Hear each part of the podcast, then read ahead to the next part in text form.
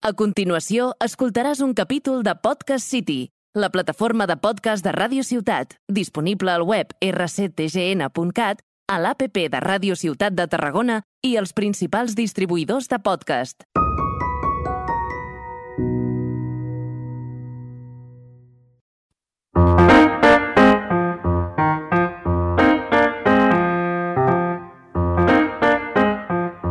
el podcast de Aspercam. Per conèixer en profunditat la tasca social d'aquesta entitat i les persones que la integren. Una associació que no hauria d'existir. Benvinguts al podcast de Aspercam. Avui estarem amb tots vosaltres intentant explicar-vos per què els fundadors i integrants actuals de l'entitat coinciden en que Aspercam no hauria d'existir i descobrirem els motius entenent el seu origen i l'evolució de la nostra entitat. Ens acompanyen en, aquesta, en aquest moment el Joan Segura, soci fundador, Paula Morales, psicòloga coordinadora d'Aspercam, Laura Recha, directora d'Aspercam, i Alexander Hernández, qui us parla, membre de la junta directiva. Hola Laura, què tal? Molt bé. Què tal Joan? Perfecte, molt bé. Què tal Paula? Molt bé, aquí preparats. Molt bé, i comencem amb el, amb el Joan. Joan, tu ets una de les persones fonamentals que vam crear i vam fer créixer l'entitat en els primers temps. Explica'ns una mica quins motius van ser els que van generar el seu naixement. Uh, doncs mira, molt fàcil. Uh, era l'any 2010, ens vam reunir 8-9 famílies, no més, que ens vam conèixer per diferents motius, però el motiu central era que tots teníem un familiar, fill o filla de diferents edats i condició uh, amb la síndrome d'Asperger, diagnosticat recentment, i llavors uh, vam voler, d'alguna manera, donar a conèixer l'associació, donar a conèixer la condició de síndrome d'Asperger, i el primer que vam fer va ser anar a veure si localitzàvem alguns professionals especialistes en això. Eh, no em vam localitzar i vam anar directament a veure la, la doctora Fina Canals, perquè precisament una de, les vuit famílies o no que vam ser tenia un fill que eh, el va diagnosticar la doctora Fina Canals, que a més a més va coincidir en que era catedràtica de psicopatologia del nen i de l'adolescent de l'URB. Vam anar allà a veure-la, li vam explicar eh, qui érem, el que volíem fer, ens va augurar molta sort, però ens va dir que no hi havia res fet, que no existien especialistes en Asperger, que no existia, el que nosaltres demanàvem no existia, no? Llavors li vam demanar ajuda, van dir, bueno, doncs què fem? Ens va animar molt, però mm, bueno, doncs que hem d'espavilar. Doncs digues almenys el, qui podem anar a trobar. I ens va presentar a la Paula. A la Paula li vam explicar el, el, el nostre projecte, li vam explicar que això seria dur, seria llarg, seria complicat, però que, però que necessitàvem algú, algú com ella, no? I, bueno, fins ara, fins ara, vull dir que aquí, No, la, ten aquí la tenim, després de tants anys.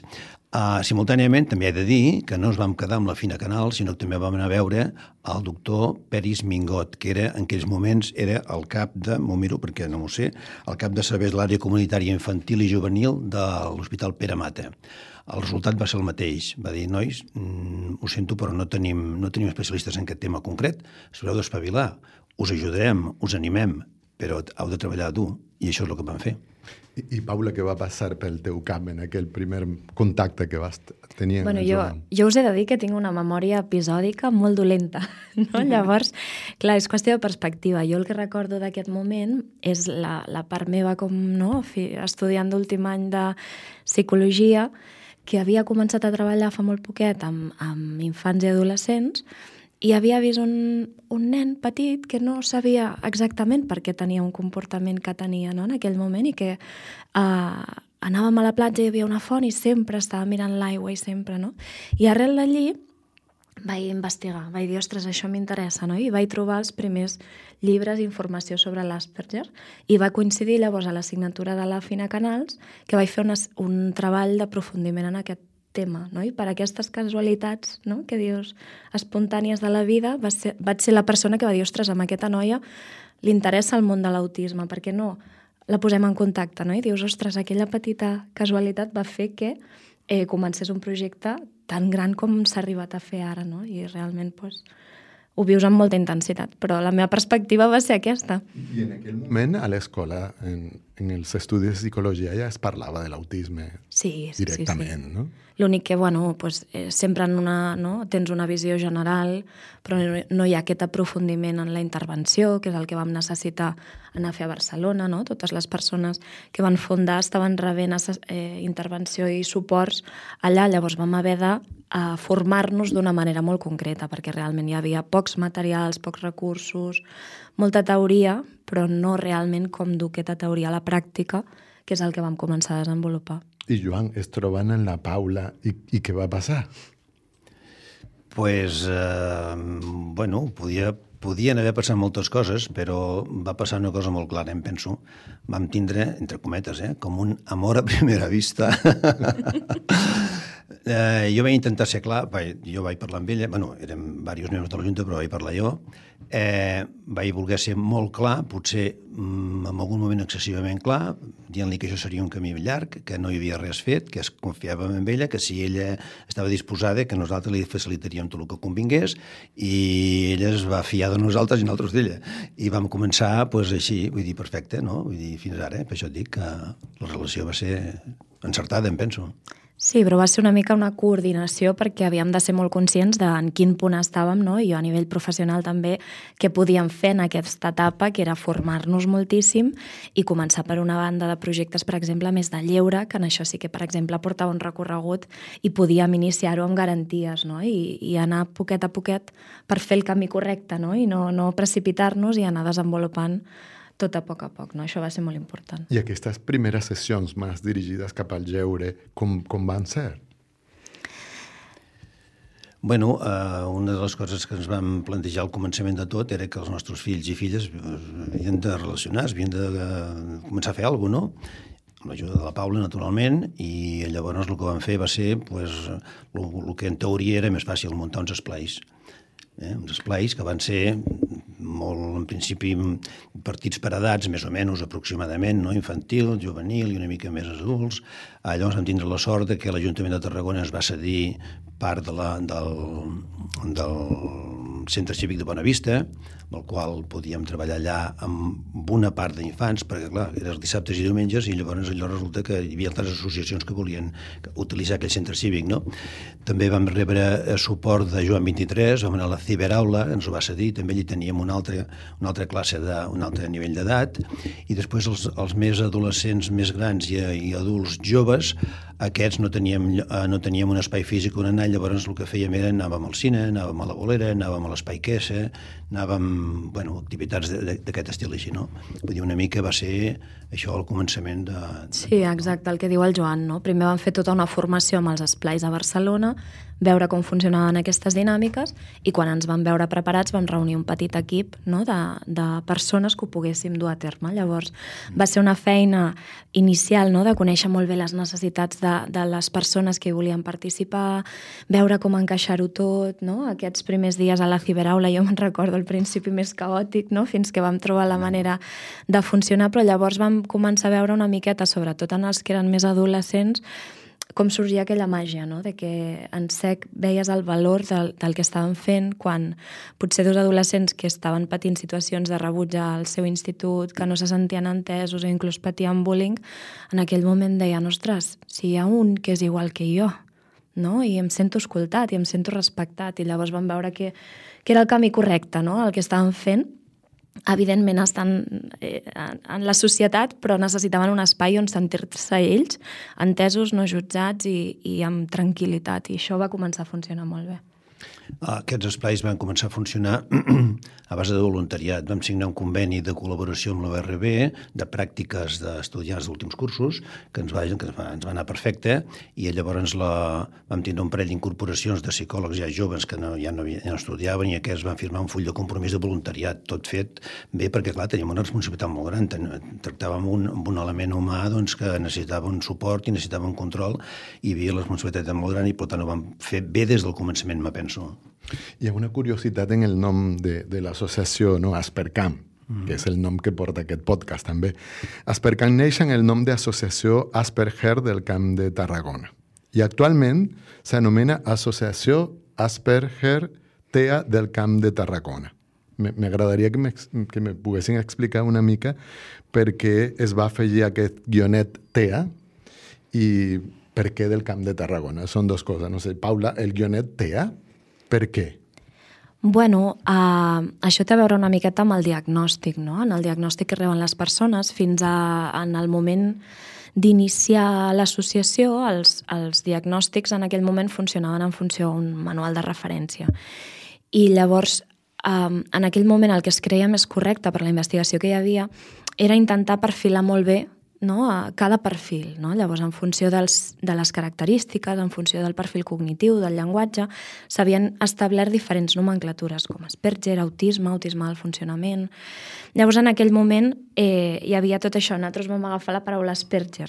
Però uns anys després, cap al 2010, l'evidència el que va anar veient és que aquestes petites diferències inicials en el llenguatge, amb retards, quan la persona era adulta no eren tan discriminatives no? i no eren tan rellevants.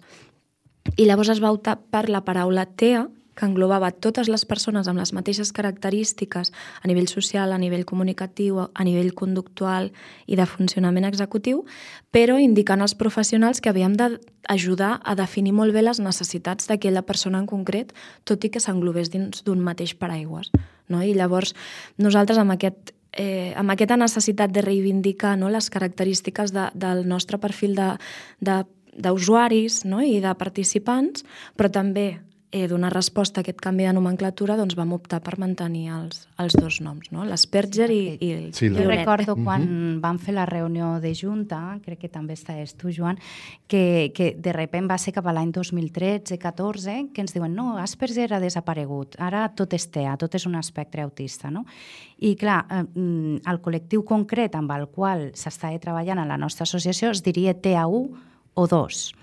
I nosaltres això de posar a associació TEA 1 o 2 perquè vam decidir seguir ajudant persones amb aquestes característiques concretes que tenien abans els Asperger, perquè ja hi havia altres entitats com Estefànies o així que s'estaven carregant més de l'autisme clàssic, vam decidir que al posar-lo dins d'aquest espectre tan gran, el nostre col·lectiu estiria més desatès i, des i invisibilitzat, que és el que està passant. No? O sigui, l'autisme clàssic se sol diagnosticar abans, sol tenir suports a una edat més temprana i el que ens trobem és que les persones que abans tenien diagnòstic Asperger pues, arriben al diagnòstic molt més tard i, bueno, i que els suports mm, són una mica i les orientacions diferents.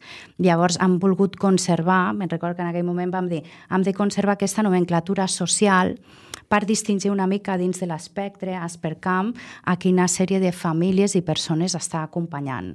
I per això no ens va agradar tant ficar TA1, TA2, no? els números, ficar números a les persones. Hem decidit, al igual que altres entitats del país, eh, seguir conservant el nom Asperger. No? I de fet en aquell sí. moment cal tenir en compte que també érem un equip molt reduït, llavors ens havíem d'especialitzar moltíssim no? i tenir molta formació i evidentment no et pots formar en tot. No? Llavors vam prioritzar les necessitats que teníem en aquell moment i vam apostar per fer-nos forts en aquesta àrea i poder tenir tots els recursos disponibles. I Joan, també hi ha una altra, una altra variant, el Camp de Tarragona. Què vol dir? Sí, bueno, això eh, molt simple. Eh, quan vam decidir formar l'associació, el primer que vam fer va ser pues, anar a veure una altra associació que ja existia aquí a la província de Tarragona, que era la, a les Terres de l'Ebre, amb seu a Tortosa. Eh, llavors el que vam fer és que nosaltres des d'aquí teníem una distància molt llarga fins a arribar a Tortosa, per tant no ens podíem fer càrrec d'allà baix perquè primer érem molt petites, molt petites nosaltres i ells ens portaven molt avantatge i ells també els resultava pesat pujar fins aquí dalt. No? Llavors vam decidir, entre, per dir d'alguna manera, partir-nos una mica a la província. No? Nosaltres vam agafar, les, es vam dedicar més a les comarques del Baix Penedès, al Alt i Baix Camp, Conca de Barberà, Tarragonès i Priorat. I llavors eh, passa que, clar, a l'hora de posar el nom de l'associació, doncs tot això era exagerant, no? Llavors vam decidir posar Camp de Tarragona perquè mm, ens donava també, primer, que era visualment molt més fàcil que tot l'altre, i després que ens permetia, en un futur, en un futur poder jugar una mica amb l'àmbit geogràfic, si convenia, no? El Camp de Tarragona era més general i no ens circunscrivíem només a l'àrea geogràfica del Camp de Tarragona pròpiament dit, sinó que, bueno, pues era una qüestió més, el que dèiem, com a visual, no? que, es, que es visibilitzés més bé en quin lloc estàvem radicats. Els de Reus potser això no els hi va agradar, però bueno. Fa 10 anys, quan va néixer l'associació, la, la, com vau fer per donar-vos a conèixer si no hi, ha, no, no hi havia pàgina web, xarxes socials, com, com, va, com va ser això? Eh, bueno, eh, una eina fonamental va ser fer una rudimentària, per d'alguna forma, pàgina web. O sigui, vam tindre, no? Vam tindre mm, pocs mesos després de començar a funcionar com a associació i tindre legalitzat l'associació, no? Llavors, el que van fer va ser eh, una pàgina web molt esquemàtica, molt, que, però deia lo bàsic, deia lo simple, deia qui érem, deia on érem i deia com ens podien trobar.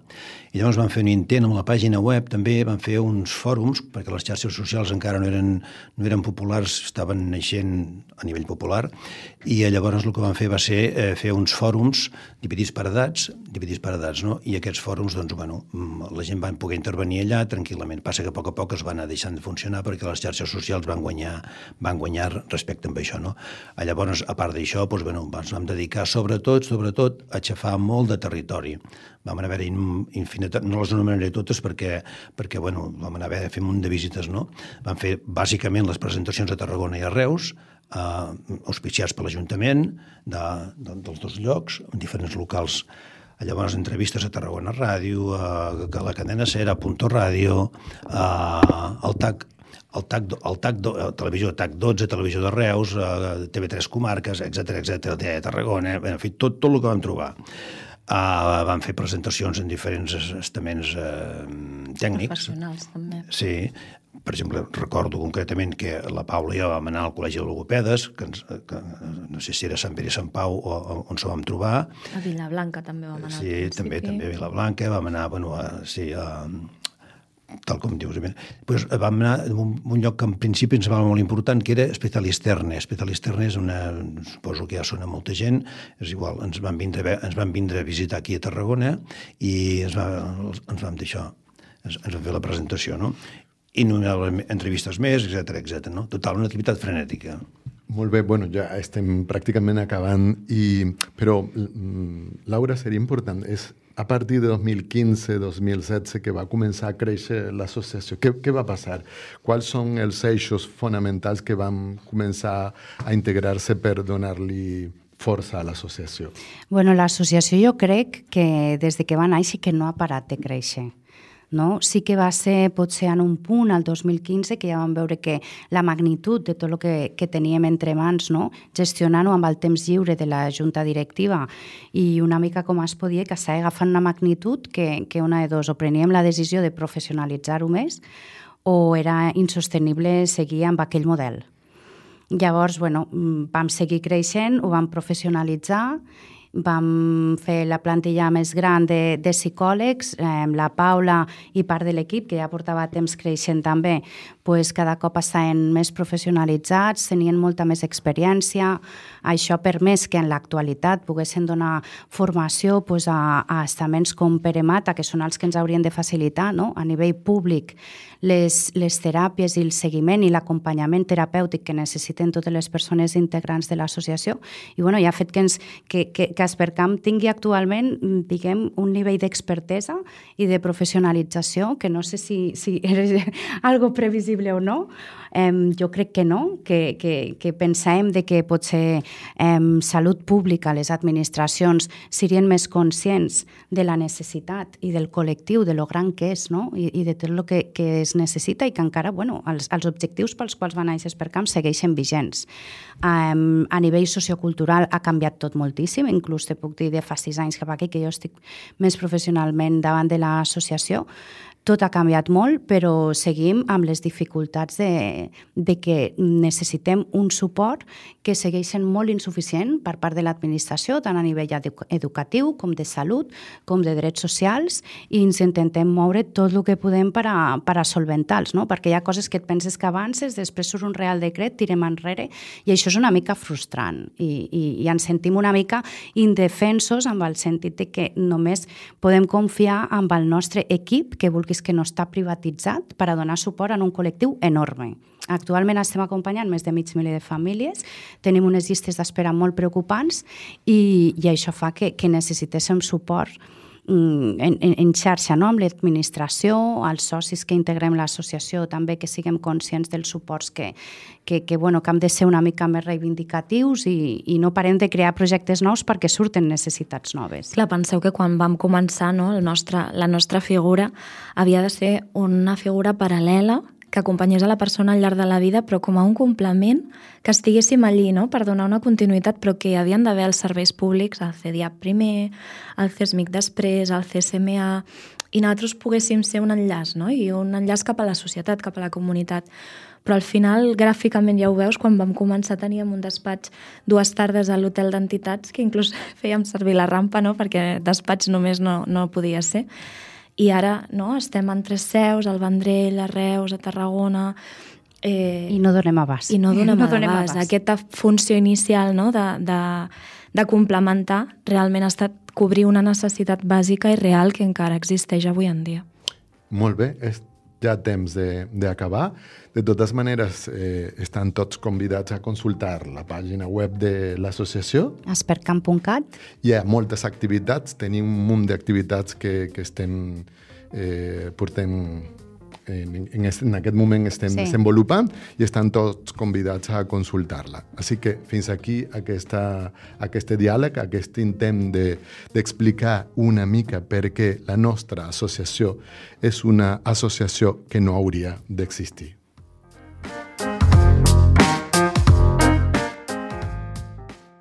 Has escoltat un capítol de Podcast City, la plataforma de podcast de Ràdio Ciutat, disponible al web rctgn.cat, a l'APP de Ràdio Ciutat de Tarragona i els principals distribuïdors de podcast.